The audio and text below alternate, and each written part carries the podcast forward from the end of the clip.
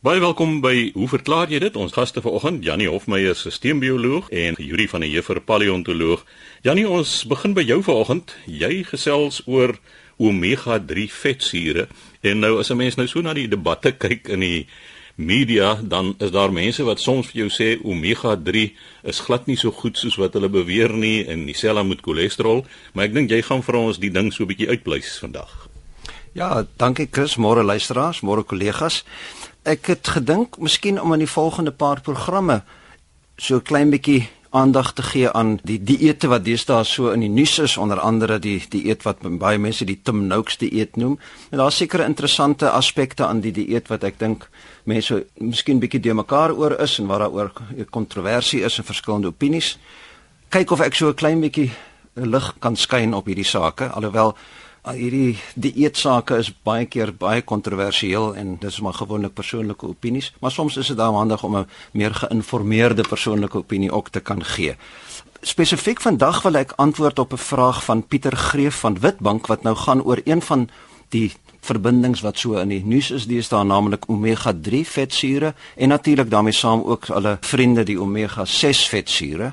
En Pieter is eintlik bietjie meer bekommerd oor waar hierdie omega-3 vetsure wat ons nou eet of in kapsules kry waar hulle nou vandaan kom en hy's veral bekommerd oor die duisende kapsules wat mense nou in die kettingwinkels kan sien op die rakke wat verskillende omega-3 vetsure in is. Ek dink hy's bekommerd oor die oor die hulpbronne wat on, vishulpbronne wat onder bedreiging is en waar kom al die olies dan nou vandaan? Maar hy wil ook weet kan ons nie eerder omega-3 wat uit plante uitkom as aanvulling gebruik eerder as die vis uit ons sodat ons sodoende die visbronne kan beskerm. En hy wil weet of daar verskille in die voedingswaarde is tussen vis en plant omega-3s. Een is een slegter of beter as die ander. So dis verskillende vrae. Hy sê hy hoop nie die vraag is te dom nie. Dis glad daar is nie so 'n ding soos 'n dom vraag nie. Dis uitstekende vrae en daar's nie altyd presiese antwoorde op al hierdie sake nie. Maar laat ek dit so 'n klein bietjie ver gaan haal, soos gewoonlik met my so 'n klein bietjie agtergrond gee. Waaroor ons hierso praat is vetsure in Engels fatty acids. So 'n suur is 'n verbinding wat 'n waterstof-ion kan afgee. En organiese sure, met ander woorde die wat nou koolstof en waterstof bevat, dis die sure wat in ons liggaam en ons dieet voorkom, die het dan nou 'n groep aan die een kant van 'n lang ketting van koolstofatome wat bekend staan as 'n karboksielgroep. Dis die afkorting daarvoor is COOH en daardie H is 'n waterstof en die waterstof kan afgegee word. So dit is die groep wat dan die suur kan afgee. Die res van so 'n vetsuur bestaan dan uit 'n ketting van koolstofatome. En dit is die toestand van hierdie koolstofatome wat dan gaan bepaal of so 'n vetsuur versadig of onversadig is. En so as 'n koolstof al die moontlike waterstowwe aan hom gebind is wat daar kan wees, dan is dit 'n versadigde koolstofatoom. So byvoorbeeld sal ons nou in 'n versadigde vetsuur 'n lang ketting van koolstowwe kry. Aan die end is daar 'n sogenaamde metielgroep, dis 'n koolstof met 3 H's aan en dan is daar 'n reeks van koolstowwe wat elkeen 'n CH2 groep is, met ander woorde twee waterstowwe aan. So wat ons kry is 'n lang ketting CH3 en dan CH2 CH2 CH2 tot by die COH wat dan die karboksielgroep is.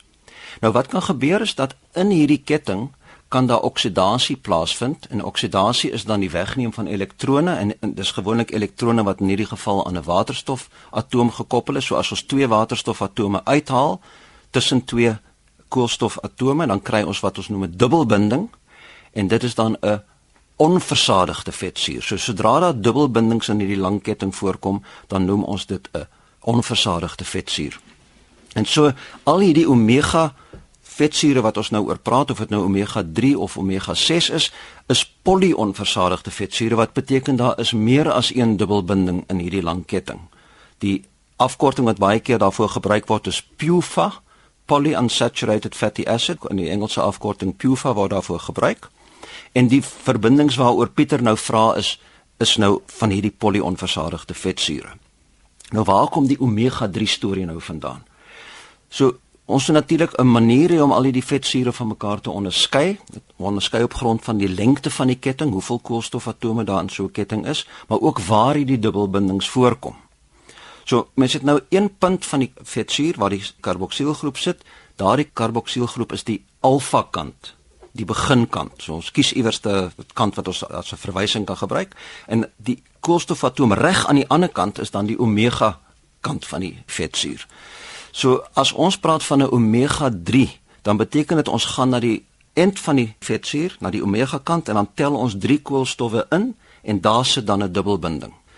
So omega 6 tipe van vetsuur beteken ook ons begin by die omega kant en dan tel ons 6 koolstowwe in en dan is die eerste dubbelbinding wat voorkom op daai spesifieke punt.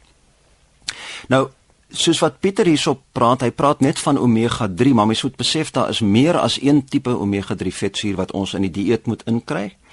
En veral die sogenaamde ALA en EPA en DAH is nou die afkortings vir die polionversadigde vetsure. Die ALA staan vir alfa-linoleensuur. Dit is 'n ketting van 18 koolstowwe, dit is die kortste ene en daar is dan 3 dubbelbindings daarin. So dit staan vir alfa-linoleensuur 183.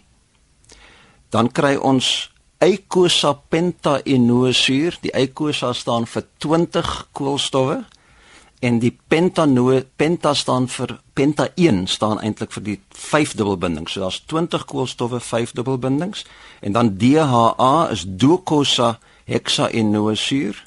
Dit is 22 koolstowwe met 6 dubbelbindings. En dit is veral die laaste twee, die 20 en die 22 kettinglengte vetsure wat ons uit visolies kry. En dis essensiële vetsure. Ons kan hulle self maar ek gaan myself klein bietjie daar weer spreek maar oor die algemeen kan ons hulle nie maak nie. So dis essensiële stowwe wat ons in die dieet moet inkry. Die alfa-linoleensuur, die 16 koolstofketting, die moet ons uit plantolies, die kry ons uit plantolies uit. So al hierdie vetsure moet eintlik in die dieet voorkom. Dit is wel so dat as mens begin met die 18 koolstof linoleensuur, dan het soogdiere 'n beperkte vermoë om vanaf die 18 na die 20 na die 22 toe gaan. Met ander woorde van ALA na EPA na DHA toe. Maar dis 5% doeltreffendheid en bietjie meer by vrouens blykbaar as by mans. So hierdie vetsure moet ons eintlik maar uit die dieet kry want ons kan dit nie genoegsaam in ons eie liggame maak nie. Die ander belangrike ding is dat die ensieme wat die omsettings doen van die 18 na die 20 na die 22, die kompeteer met omega 6 vetsure. Met ander woorde, as daar 'n oormaat van omega 6 vetsure is, dan druk hulle die omega 3's van die ensieme af sodat daar nog 'n slegter omsetting is van ALA na EPA na DHA. So nou is die vraag en dit is natuurlik een van die die eetvrae wat ons nou vra, wat is die verhouding tussen omega 6 en omega 3 wat ons uit die dieet uit moet verkry? En dit lyk vir my as mens na die literatuur gaan kyk dat die verhouding tussen kom ons noem dit nou maar O6 en O3 moet wissel tussen 4 tot 1 en 1 tot 4, so in daai tipe van 'n verhouding. En die probleem met baie van ons westerse dieete, hoofsaaklik omdat ons saadolies gebruik, so sonneblomsaad en, en canola, is dat ons baie keer nou 'n verhouding van O6 tot O3 het van selfs van 10 tot 1 tot 30 tot 1. So dis 'n geweldige oormaat van omega 6 vetsure wat ons in ons dieet kry. En die aanbeveling is dat ons dit moet afbring. So evolusionêre dieete of paleo dieete soos dit ook bekend staan wat ryk is aan wildsvleis en vis en ander omega 3 bronne, dit het waarskynlik so 1 tot 1 1 tot 4 verhouding. Maar westerse dieete het die probleem van geweldige hoë omega 6 tot omega 3 verhoudings. So wat ons eintlik moet vermy tot 'n groot mate in ons dieete is die saadolies waarvan die bekendste in ons land byvoorbeeld canola en sonneblomolie is en eerder van die lae omega 6 olies soos olyfolie, kokosnootolie en natuurlik bottervet, ghee wat die Indiërs gebruik as hulle bron van vet. Daar is daar alhoewel die verhoudings nie noodwendig so gunstig is nie, is die absolute hoeveelheid van die omega 6 in hierdie olies baie laag. Gewoonlik hierso so tussen 9% en 3%, terwyl in die ander is dit tot 70% van omega 6 is uit die totaal van die vette in die olie. So ons moet probeer om die polionversadigde vetsure tot 'n mate te beperk, 1 tot 4% van ons kalorieë in ons dieet en dan moet ons probeer om die omega 6 tot omega 3 verhouding so laag as moontlik te hou. So waar kry ons hierdie goed vandaan? Ons die eetbronne vir hierdie verskillende vette. Vis natuurlik is die belangrikste bron van omega 3, veral haring en sardiens makreel, salm, halibut, tuna, en ander die olierige visse is goeie bronne van omega 3. Maar ons kan natuurlik ook uit eiers en aardbeie en kiwivrugte, broccoli, kry ons ook goeie hoeveelhede van omega 3, minder uit rooi vleis uit en absoluut niks uit graankosse, rys, pasta, vrugte, melk, brood, groente nie. Daai kossoorte het geen omega 3 in nie. So dit gee so 'n algemene oorsig oor omega 3 relatief tot omega 6. Die een probleem is wat ek nog nie aangespreek het nie is nou die kapsules wat in die kettingwinkel staan. Die probleem met hierdie onversadigde vetsure is dat hulle word maklik geoksideer, veral die wat baie dubbelbindings in het. So mense is altyd bekommerd oor die rakleeftyd van die omega 3 en omega 6 produkte wat lank miskien in 'n winkel staan. Mense weet nie tot watter mate hulle al geoksideer het teen die tyd wat jy die kapsules inneem nie. So jou beste bron van omega 3 en omega 6 is die dieet uit gewone regte kos uit. Mense kan aanvullings natuurlik gebruik, maar mense is nooit heeltemal seker oor die kwaliteit van die produkte nie. So ek hoop Pieter dat dit 'n uh, klein bietjie meer inligting vir jou gee oor waar die omega 3's vandaan kom dat daar eintlik nie 'n beter of 'n slegter een is nie dit gaan net oor die verhoudings van die omega 6 tot omega 3 en dat daar ook nie 'n beter slegter plant of dierbron is nie een kan uit die ander gemaak word maar op die ount is vis die heel beste bron van omega 3 En so gesels Jannie Hofmeyer, ons sisteembioloog. Nou Yuri, jy het by 'n vorige geleentheid gesels oor radiometriese datering en jy het nou weer reaksie van luisteraars daaroor gekry. Chris, ja, 'n brief van Andrew Marsay van Randburg vra verdere vrae oor radiometriese datering en hy noem spesifiek twee goed. Hy sê ook dat hy die brief in Engels geskryf het want uh, Afrikaans is nie so goed nie maar dat hy wel 'n baie goeie Afrikaanse onderwyser gehad het op skool. Nou die vraag wat hy in die eerste plek vra is hy wonder net wat se getuienis is daar vir die aanname dat die verval van isotope teen 'n konstante tempo plaasvind. Nou ons het daaroor gesels en ek kan miskien net verder sê dat hierdie tempo van verval is bepaal of word bepaal deur fisici en daar word veral gebruik gemaak van die kwantumfisika om dit te doen en dit gebeur al oor baie jare en die resultate wat hulle uit die kwantumfisika uitgee is inderdaad betroubaar. Nou ek gee myself nie uit dat ek enigiets weet van kwantumfisika nie, maar dit behoort 'n mens nie daarvan te weerhou om die resultate te aanvaar nie, want daar word baie implemente deur die wetenskap vir ons aangebied, selfone, rekenaars en die soort van goed wat mense deurgangs gebruik sonder om te weet hoe dit presies werk, maar die resultate oortuig jou daarvan dat dit goeie navorsing is.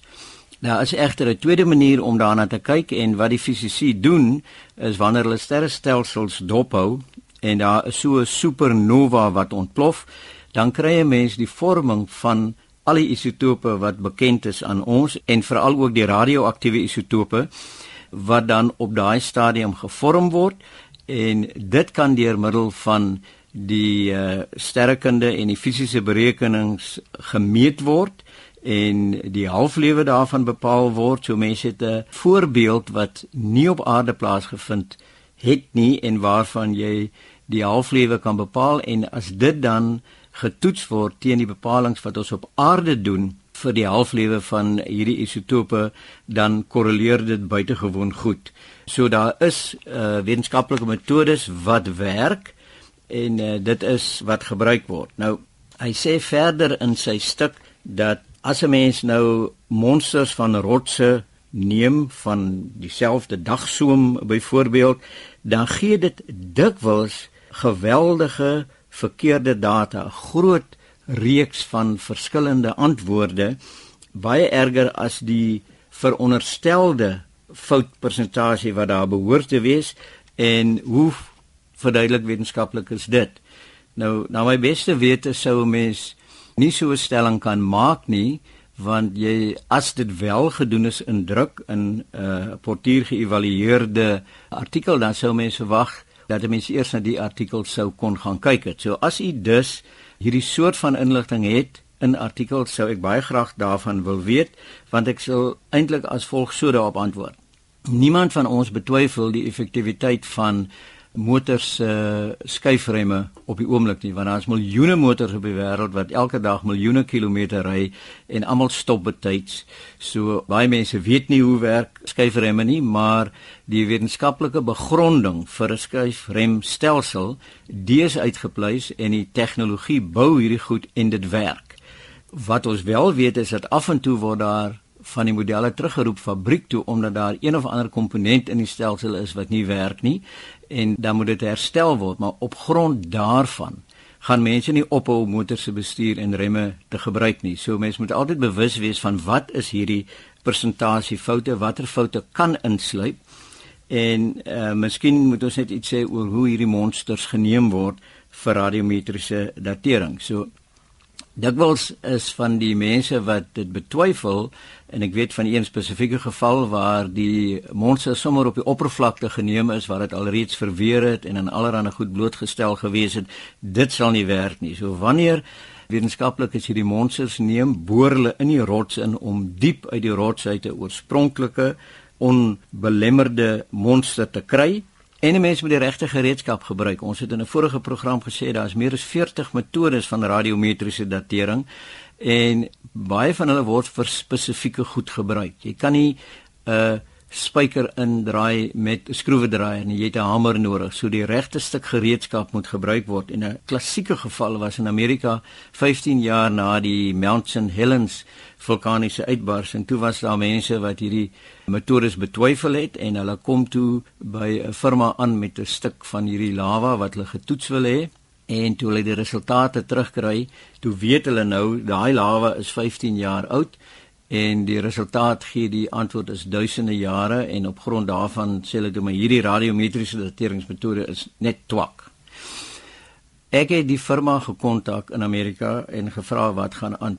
Die persoon van die firma het toe aangedui dat die soort toetse wat die mense op die lava verwag nie deur daai instansie gedoen word nie en dat hulle sou verkeerde resultate kry. En die antwoord was dat hulle aangedring het op die toetse aangesien hulle daarvoor betaal het om uiteindelik dan kan kan sê hier is 'n wetenskaplik getoetste stuk lava en radiometriese datering is verkeerd. So dit was definitief 'n slenter wat hulle probeer het, maar dit is gelukkig ontbloot in die literatuur.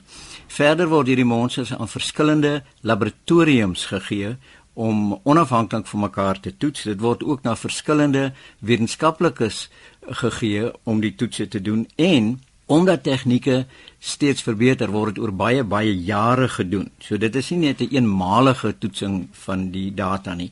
En boonbehalwe dit, wanneer 10 monsters of 20 monsters getoets is en 18 of 19 van hulle stem saam en daar's een monster wat buite die berekening val, dan is dit duidelik dat 'n mens sulke data mag weglaat.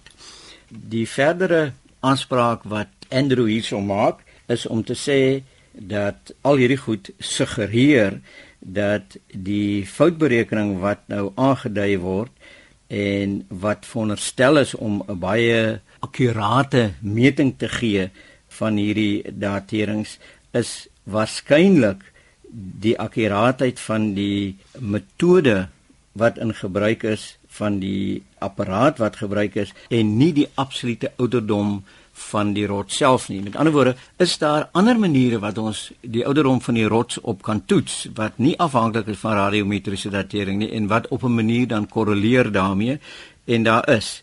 Ek wil uh, net ietsie daaroor sê oor hierdie onafhanklike bevestiging van radiometriese datering. So 'n baie bekende Noord-Amerikaanse geoloog James Dwight Dana baie baie bekend. Ek het in my eerste jaar nog Dana se groot rooi geologie handboek gebruik.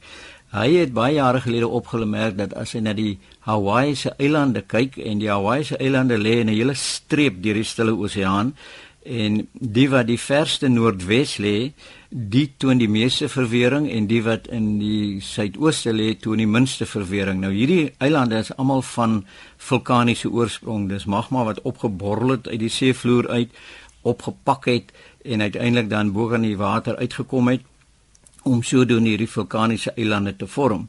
En hy het gekyk na die soort erosie en hoe ver die erosie op hierdie verskillende eilande voorgekom het en toe die stelling gemaak dat in 'n noordwestelike rigting raak die eilande al hoe ouer en ouer. Uiteindelik toe radiometriese datering ontdek is en 'n metode geword het wat gebruik kan word, is die magma, die lava op die eilande getoets en daar's inderdaad gevind dat die eilande verse weg van Hawaii is die oudste. Ander punt is as ons kyk na korale, ons weet korale is kolonies van see diertjies wat hierdie riwe onder die oseaan bou en in simbiose leef met 'n alg wat van fotosintese afhanklik is. So korale word nie eintlik gekry dieper as 50 meter onder die oppervlak in baie skoon water nie. En daar is ontdek dat beide fossiel en lewende korale groeiringe of 'n daaglikse aanwas tempo toon wat dan nou kan omgesit word in 'n groei vir 'n jaar, maande en vir jare. En as 'n mens na lewende korale kyk en jy tel die aantal dae wat hulle gegroei het in 'n jaar, dan kom ons uit by 365. As 'n mens egter nou kyk na korale wat uit 'n baie ouer tydperk kom, die sogenaamde Devon tydperk in die see, dan het die aarde vinniger gedraai as wat dit vandag draai en daar's meer lagies neergelê. So in 'n Devon jaar het jy 400 lagies gekry. So mens kan die ouderdom bepaal deur te kyk na die afsettings van korale oor die dag, maand, jaar en so aan en die ouderdom van die defoon word daarvolgens gereken op 400 miljoen jaar en as jy die radiometriese toetse daarvoor doen, dan is dit uiteindelik ook 400 miljoen jaar. So dis 'n manier om die radiometriese datering te bevestig. Verder kan ons iets sê oor plaattektoniek. Nou meeste mense op aarde weet vandag dat die kontinente beweeg, maar dit nie net die kontinente is nie, want die word geabba op baie groter plate korsmateriaal wat eintlik aan beweeg is.